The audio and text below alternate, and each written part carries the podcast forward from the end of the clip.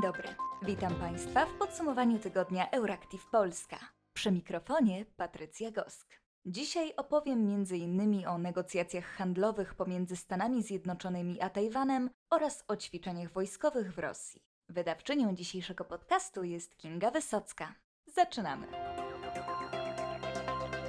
Ministerstwo Obrony Chińskiej Republiki Ludowej potwierdziło, że Chińczycy wezmą udział we wspólnych ćwiczeniach wojskowych w Rosji. W manewrach uczestniczyć będą też żołnierze z Indii, Białorusi i Tadżykistanu. Podobne ćwiczenia odbywały się już kilkukrotnie w ostatnich latach na mocy bilateralnej umowy o współpracy zawartej pomiędzy Rosją i Chinami. Pekin podkreśla, że ćwiczenia nie mają związku z obecną sytuacją międzynarodową.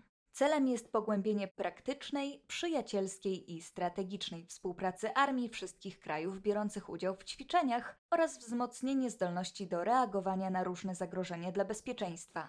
Napisano w komunikacie chińskiego ministerstwa.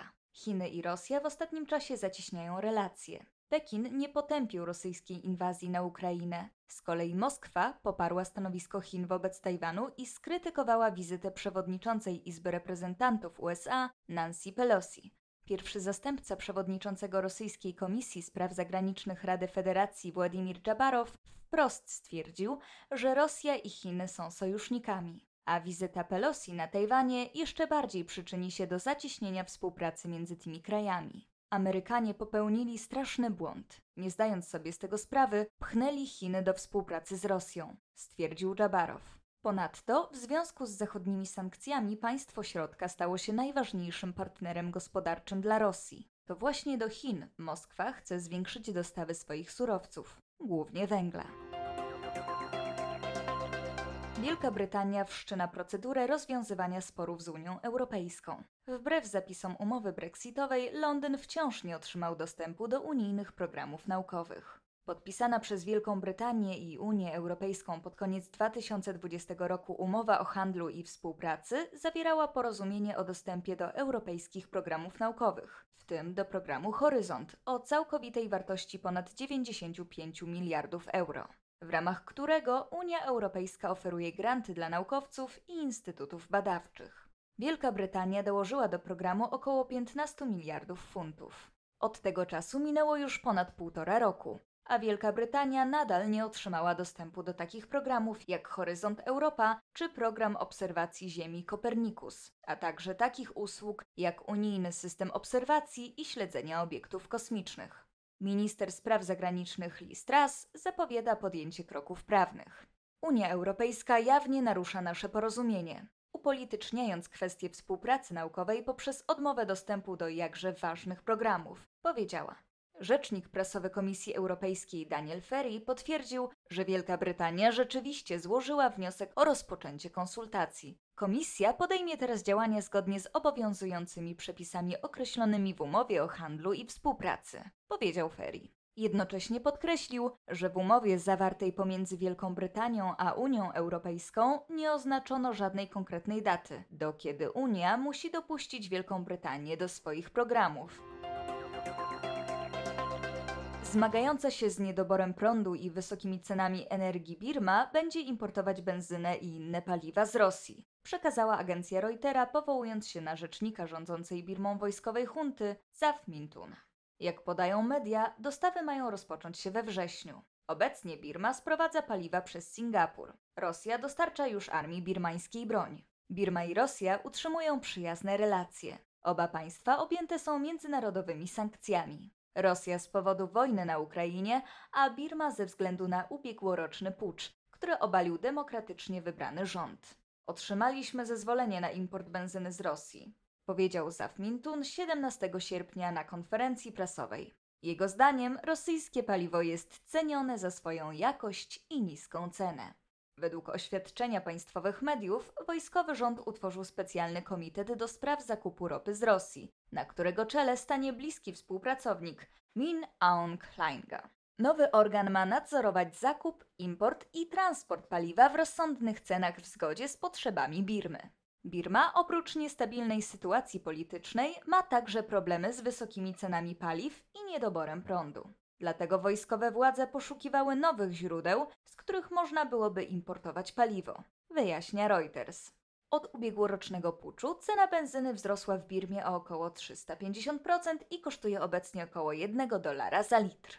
Niektóre stacje paliw zmuszone były wstrzymać pracę z powodu niedoborów. Podczas spotkań z przywódcami Serbii i Kosowa szef NATO zaapelował o deeskalację napięcia między oboma krajami, ale zaznaczył, że w razie potrzeby przebywające w Kosowie siły KFOR gotowe są do interwencji. Na początku miesiąca spór między Kosowem a Serbią ponownie się zaostrzył, wraz z protestami przeciwko planom Prisztiny wprowadzenia nowych zasad dotyczących rejestracji samochodów. Ostatecznie kosowskie władze odroczyły wejście w życie przepisy o miesiąc, co chwilowo uciszyło demonstracje.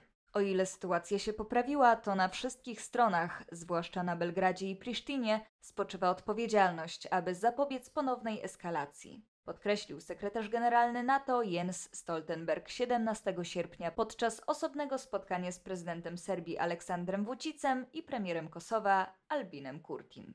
Kosowie stacjonują czterotysięczne międzynarodowe siły pokojowe NATO w ramach operacji wsparcia pokoju Joint Guardian.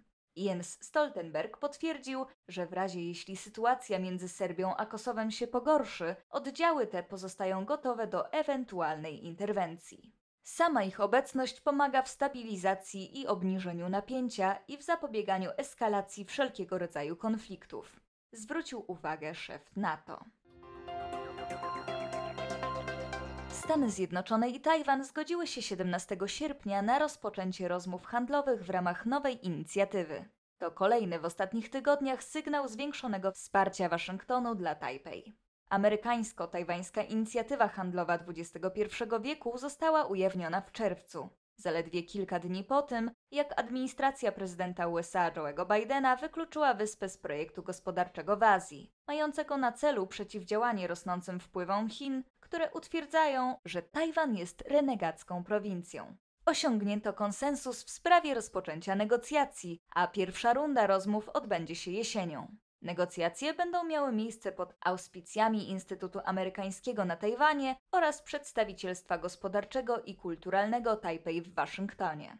Planujemy zrealizować ambitny program i doprowadzić do zawarcia umów na wysokim szczeblu, aby osiągnąć znaczące rezultaty obejmujące wszystkie 11 obszarów handlowych mandatu negocjacyjnego, które pomogą zbudować bardziej sprawiedliwą, zamożną i odporną gospodarkę na miarę XXI wieku oznajmiła w wydanym oświadczeniu zastępczyni przedstawiciela USA do spraw handlu Sara Bianchi.